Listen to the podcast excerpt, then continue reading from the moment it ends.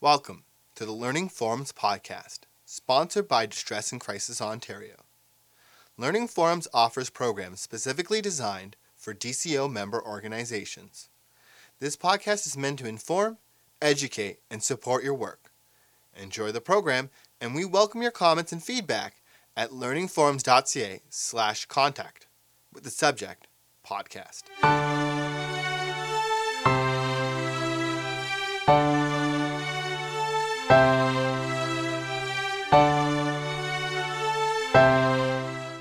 My name's Andrea Tsanos, and I'm here today to talk about the subject of concurrent disorders. I'm really delighted to be here. So, first, the definition of concurrent disorders. The concurrent disorders population refers to those people who are experiencing a combination of mental, emotional, psychiatric problems along with the abuse of alcohol and or other psychoactive drugs. Technically speaking, any combination of mental health and substance use disorder as defined by DSM 4. And more recently, um, the Canadian Centre for Substance Abuse, CCSA, recently um, put out a report in 2010 focused on the concurrent disorders population. And they designated five different subgroups of people with concurrent disorders. Those folks with concurrent disorders are a big, broad group of people and very heterogeneous population. And so, in order to better understand um, whom we have comprising that population, it's helpful to understand what particular combinations of addiction and mental health problems um, may coexist. And so the five subgroups that CCSA designated are the following. The first is folks who have um, stress or trauma co occurring with substance use problems. The second, um, folks with anxiety disorders co occurring with substance use problems. And under the umbrella of anxiety disorders, you may know that there are 10 different anxiety disorders, things like panic disorder, agoraphobia, obsessive compulsive disorder, generalized anxiety disorder, and the like. The third subgroup is those folks with mood disorders along with substance use disorders. And so, under the umbrella of mood disorders, we have things like major depressive disorder, dysthymia, another form of depression, as well as bipolar disorder, and again others coexisting with substance use disorders. And the fourth um, are folks who um, have a psychotic disorder, so some experience of psychosis. Uh, common um, psychotic disorders, schizophrenia, again in combination with substance use disorder. And finally, the last subgroup designation within concurrent disorders is that of impulsivity along with substance use disorders. And so we have things like attention deficit hyperactivity disorder, ADHD, and, and, and other um, types of issues, again, co occurring with substance use disorders. So that's just useful for us to begin to really conceptualize um, the population that we're referring to here. To further help us wrap our heads around um, who folks are with concurrent disorders, I'll give you some specific examples. Um, I've mentioned it involves a combination of mental health and substance use disorders. Um, and I've mentioned some of the subcategories, but within, getting more specific, down to the particular substance and the particular disorder, I've got three examples I can share with you. The first is someone with um, an alcohol problem along with the anxiety disorder, very common one, which is PTSD, post traumatic stress disorder. So that's a common combination, okay? The second one, you know, might involve someone who's using um, opiates, so narcotic pills, okay? And these can either be prescribed um, you know, for legitimate reasons. You know, some people get involved with this, with these um, through the experience of pain, having an injury, having been legitimately prescribed and introduced to opiate narcotic um, analgesic medication, and others then um, may supplement or or alternatively may use what we call over-the-counter um, opiate medications, things like Tylenol ones um, that you can buy at your you know local pharmacy. So that experience of substance use, problematic substance use, along with a mental health issue, which in this case might be depression. So opiate abuse or opiate dependence very often co-occurs with the experience of depression. And the third common um, example is that of, um, you know, imagine sort of a youth who's involved in um, smoking marijuana. That particular substance can co occur with the experience of psychosis. Okay, so that's a particular psychotic disorder, the experience of psychosis. Um, so, a diagnosis of schiz- schizophrenia perhaps might, might be at play. What are some of the most common substances that people with concurrent disorders, you know, may be calling you about? What are they using? Well, the literature shows us that by far and large, alcohol is the most common, um, with 60% or more of folks with concurrent disorders using, abusing alcohol. Why is alcohol the most common? It's legal, it's accessible, it's um, you know highly conditioned in social situations, and you know and many other reasons that contribute to alcohol taking the number one spot. The substance in the number two spot is that of cocaine, with roughly um, 29, so almost 30% of folks with concurrent disorders having a, a difficulty uh, with cocaine. And, and these days, um, it's more crack cocaine that's um, really, you know, I don't, I don't want to say reaching epidemic proportions, but is really quite prevalent. The third is um, that of cannabis, so marijuana, um, with about 15% of the population. And finally, in fourth and fifth spot, we have opiates. So I mentioned some of the opiates earlier. And finally, heroin. Okay, so a smaller um, minority of the big concurrent disorders population involved in that. And heroin, you know, some of you um, might already know about and, and certainly may know about methadone maintenance treatment for heroin. So that's sort of a snapshot of the substances that we see. And just to share with you that the substance profile, this breakdown that I've just described, that um, characterizes the concurrent disorders population is actually, interestingly enough, no different than the prevalence profile of the substances that people without concurrent disorders use. So if we sample the general population and we look at what the most popular uh, prevalent substances are, that, that breakdown, that profile, alcohol being number one, cocaine number two, cannabis number three, and so on, matches. Okay, sometimes we see some closer rivalry between marijuana taking the number two spot in the general population. Um, so that's just something to think about. So, what are some of the reasons that folks use substances? So, something for us to think about. And there are four big reasons, but of course, there are others. And the first reason is that people are actually trying to self medicate unpleasant symptoms, so mental health symptoms. So maybe they're experiencing anxiety or they're struggling and suffering with depression and it feels very distressing, it feels very intolerable, those kinds of things. So using alcohol, let's say, to, to try to modulate um, emotional dysregulation and unpleasant emotions. The second one might be using substances to help relieve um, feeling isolated, um, feeling lonely, feeling bored, again, feeling despair. So these are, again, unpleasant states um, that people are trying to transform and are learning or discovering that the use of substances actually um, effectively helps them transform those unpleasant states. The third one is using substances, it's age old, to facilitate peer or social engagement, okay? So to fit in, to gain acceptance from friends, um, or to gain acceptance from a particular group or in society in general. And so we see this a lot in uh, youngsters, right? So teens, youth, and the youth population for us, you know, has its cutoff at age 24. So really just thinking about that span. Um, and finally, you know, why do people use substances? Just in general, so not so much for as targeted the reasons that I just described, but just to, to gain a general sense of well being. You know, there are some people who have just never felt comfortable or good in their own skin, and they've discovered that using substances makes them feel better, gives them that, that better or at least slightly better, more preferable sense of well being. Okay? So, why is it important for us to understand this population of people with concurrent disorders? Well, I'm sure you know you, you have encountered them. They are calling you. Um, they they are out there. Um, but we need to understand that there are at least two issues at play. So I mentioned there's the substance use issue and the mental health issue. And certainly for many people, it's not a single substance use problem that they have, like alcohol alone. There might be alcohol and the use of marijuana and the use of cocaine on occasion, um, other street drugs, or you know, trying ecstasy or other things um, in the mix. So there can be what we call polysubstance use. Okay.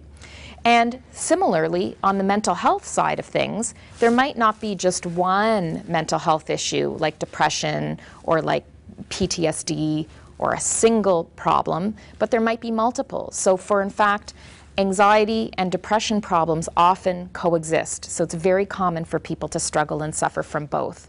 So, where I'm going with this is that some folks with concurrent disorders might have um, two three, you know, there, you know, are personality disorders, and people might have, you know, depression um, or like bipolar disorder coexisting with borderline personality disorder, for example. Something for us to think about in terms of the complexity that can often characterize this population.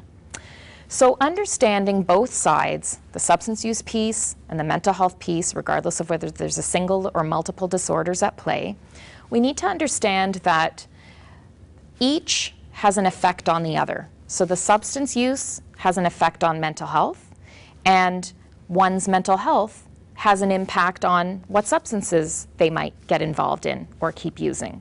So drug use can trigger mental health problems. So someone smoking marijuana might go on to develop a psychotic episode, might go on to be diagnosed with schizophrenia. So that's one example.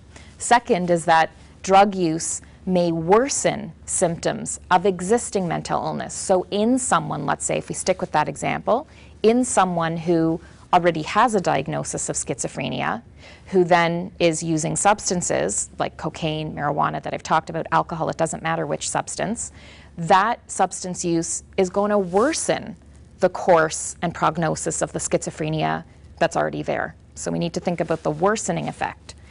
And then, third, the different states of substance use, being intoxicated, or being in withdrawal from, because there's the experience of withdrawal from alcohol, right? Or the withdrawal from the coming down from cocaine.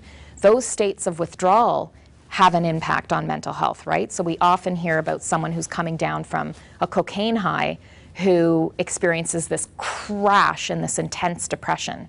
So there's those kinds of various states um, of use and recovery withdrawal that can um, produce mental health symptoms or mimic mimic the signs and symptoms of a mental health issue. So just to describe that for you, if you have someone who's high on cocaine calling you who's high at the time, they actually might seem and they're often mistaken for being manic, for being in a manic episode. So they really seem sped up and there are various features of a manic episode that are identical to what a person's behavior and affect looks like, sounds like when they are high on cocaine. So it sometimes gets a little bit fuzzy and a little bit um, tricky to tease apart and understand what's really going on here. And of course, you're over the phone, right? So that's an added challenge. You can't look at someone's pupils and, and those kinds of things. And the fourth relationship is that substance use can also mask mental illness that's already there. So let's say someone has been struggling with depression. Um, maybe they haven't shared it with anyone in the family. Maybe they've been there's too much shame, uh, too much stigma. They've been keeping it as a private experience. Their struggle with depression, but they've discovered that using alcohol actually helps them conceal their depression or the true nature or extent of their depression. So they find they're almost like a different person when they're under the influence of alcohol. So they appear or feign the semblance of normal out there to the world when privately their own internal knowledge, their experience is different, but they know that they've got this, this tool that helps them transform how they appear outward to the world. So it's another, another relationship to think about. There are um, several different models um, that have been researched that actually um, speak more about making sense of the substance use and the mental health issue. So that age-old golden question of what came first, the chicken or the egg? So if you're you know, talking with someone over the phone and they're sharing with you that alcohol, you know, they, are using alcohol, maybe, maybe not, they're concerned about their alcohol, also struggling with, let's say, anxiety or depression or both.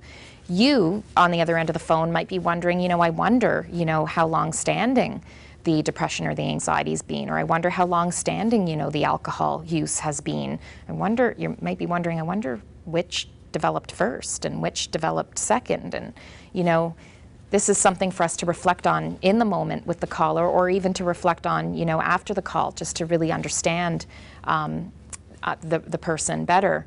So there are two predominant models of how these two can have developed. And the first is the self medication hypothesis, so the self medication model.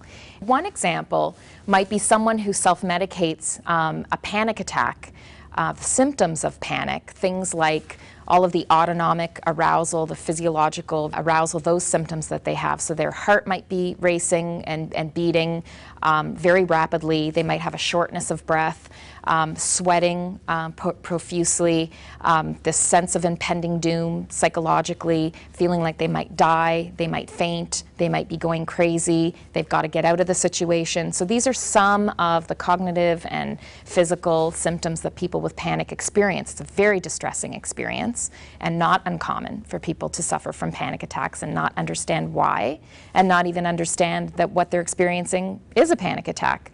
But what they have discovered through their own efforts at just trying to cope with distress is that alcohol effectively, not that I'm recommending it, but alcohol can bring down one's panic symptoms, reduce the intensity, um, reduce the level of distress, with alcohol being a central nervous system depressant. Okay?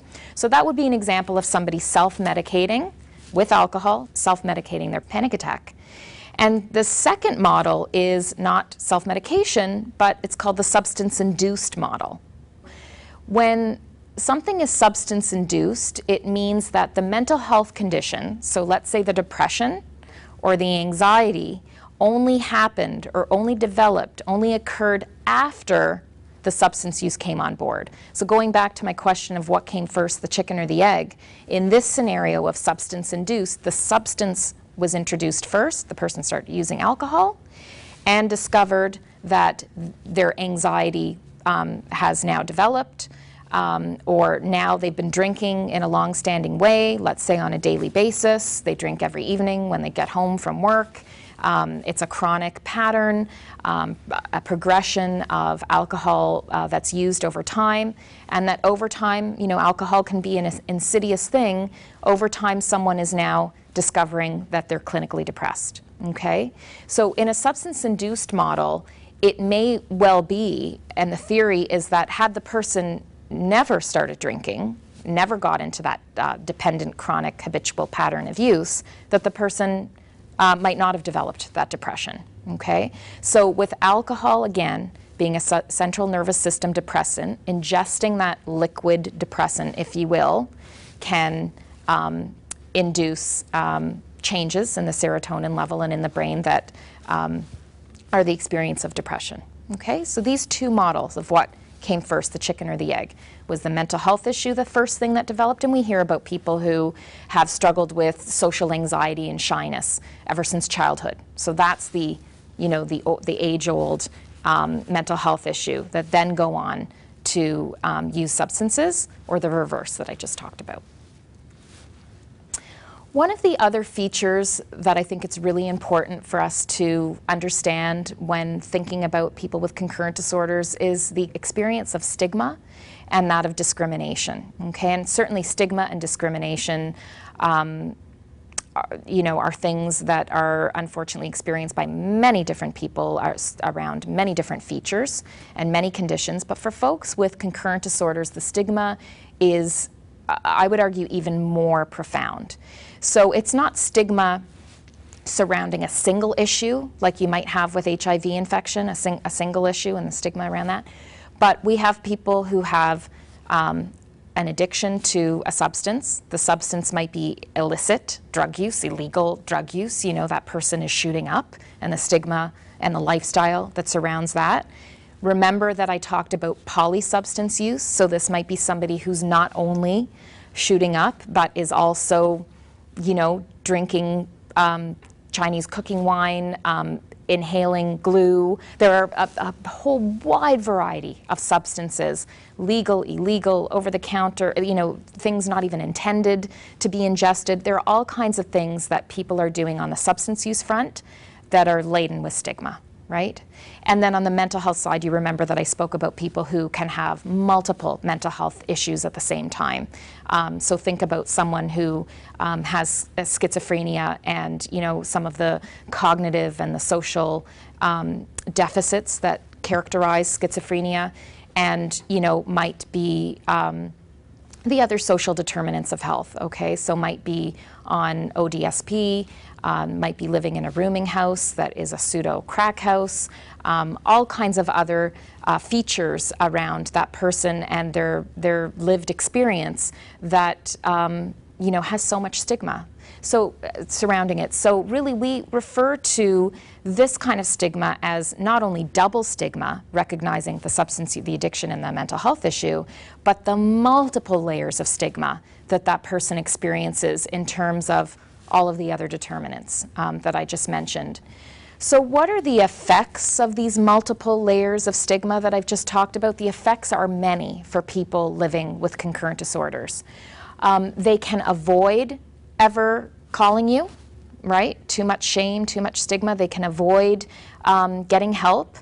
Um, they uh, certainly have negative feelings about themselves. They hold um, low, low self-esteem, depression secrecy around their symptoms, social isolation, so a way that they cope with, the, with shame and stigma is to sort of withdraw and stay uh, alone. Um, poverty, there's rejection from family, okay, oftentimes severed relationships with family because of um, the chaos that can surround someone with out of control substance use and unmanaged mental health issues.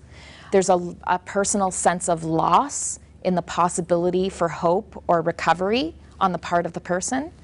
Um, poor quality of life in general, sadly, but a reality, a higher incidence of suicide amongst people with concurrent disorders. And like I said earlier, prejudice and, and discrimination that, you know, if someone's filling out a housing application and if for whatever reason it gets disclosed that um, there are addiction problems or mental health problems, that that person might be denied, um, might be denied that unit, those kinds of things. Um, even amongst healthcare professionals, sometimes seeing diagnoses on paper. So if you're making a, someone's making a referral, for help. And on the referral sheet, the diagnoses that are listed are, for example, you know, borderline personality disorder, bipolar disorder, you know, recent suicide attempt, those kinds of things, you know, alongside alcohol dependence, um, uh, you know, cocaine use, those kinds of things. There are some health practitioners or stigma also on the part of healthcare practitioners who might feel uncomfortable uh, accepting that person in their care or uncomfortable working with that person you know, there are stigmas that are attached to particular disorders. And so you think about somebody with concurrent disorders who has several of these, it can result in them not accessing the, the care that they need. It's sad, but true in some cases. So for people with concurrent disorders, regardless of whether they're in treatment or regardless of whether they're not in treatment, so you know, think of yourselves in contact with people with concurrent disorders, recognized or unrecognized, folks with concurrent disorders are at a higher risk for homelessness, suicide, family violence, victimization. It's a very often a very vulnerable population to be experiencing concurrent disorders, to perpetrate child abuse, neglect, to have HIV infection and other medical conditions for sure, to be incarcerated, to have legal problems, and finally to be rehospitalized. So relapses, rehospitalization, either on the substance use front needing to use detox withdrawal management centers or rehospitalization on the mental health front, right? So a decompensation in terms of um, the psychotic disorder, for example, or um, a subsequent recurrent uh, depressive episode, for example. Okay? So these are um, important uh, impacts. So thinking about your work, what kinds of problems might people be calling about? Well, just to summarize, you know, they might be calling with distress about one of their issues. So even though they might have concurrent disorders, di diagnosed or undiagnosed, it might be a single issue that's causing them distress. Okay? So even if there's alcohol dependence and depression, it might be the alcohol that they're calling you about, or the, the converse. Not the alcohol. They need it, they want to hang on to it, but it's the depression that's really distressing, becoming really acute, really intolerable. Or um, they might be calling you about both issues. Okay, they might really see how when they drink, those are the times that they feel more suicidal. Those are the times that they've acted on their plans to self harm. Okay, so they know that when they're not under the influence, they have more passive ideas about self harm, but they don't act on them. So they might have that insight into the role that substance use plays um, in terms of the, the mental health piece you know, a third reason or category, uh, they might be calling you with distress about family pressure that they're getting pressure from family, pressure from a partner that they need to do something about their drinking, or that they need to do something about their depression, or that they need to get help, okay, in general. Um, or there might be, you know, tremendous conflict or recurring conflict that takes place between the person and you know a significant other, and that conflict um, feels really unmanageable and really distressing, and certainly can go back to these issues.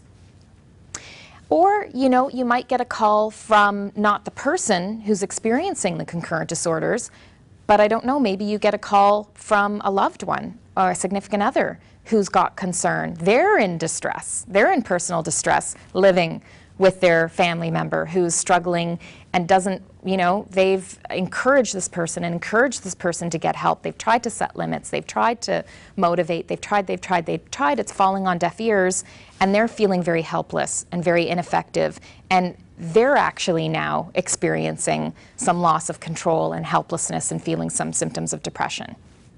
Okay? So, your job as I understand it, um, is you know certainly to ease their distress and be validating and to meet them where they're at and um, to work with them um, within your scope, but in you know in many cases is to encourage and to link to treatment because there are many many treatments that are available that are accessible that are of no cost to the person who is um, who's suffering that concludes this session on concurrent disorders, and thank you very much for your time and attention.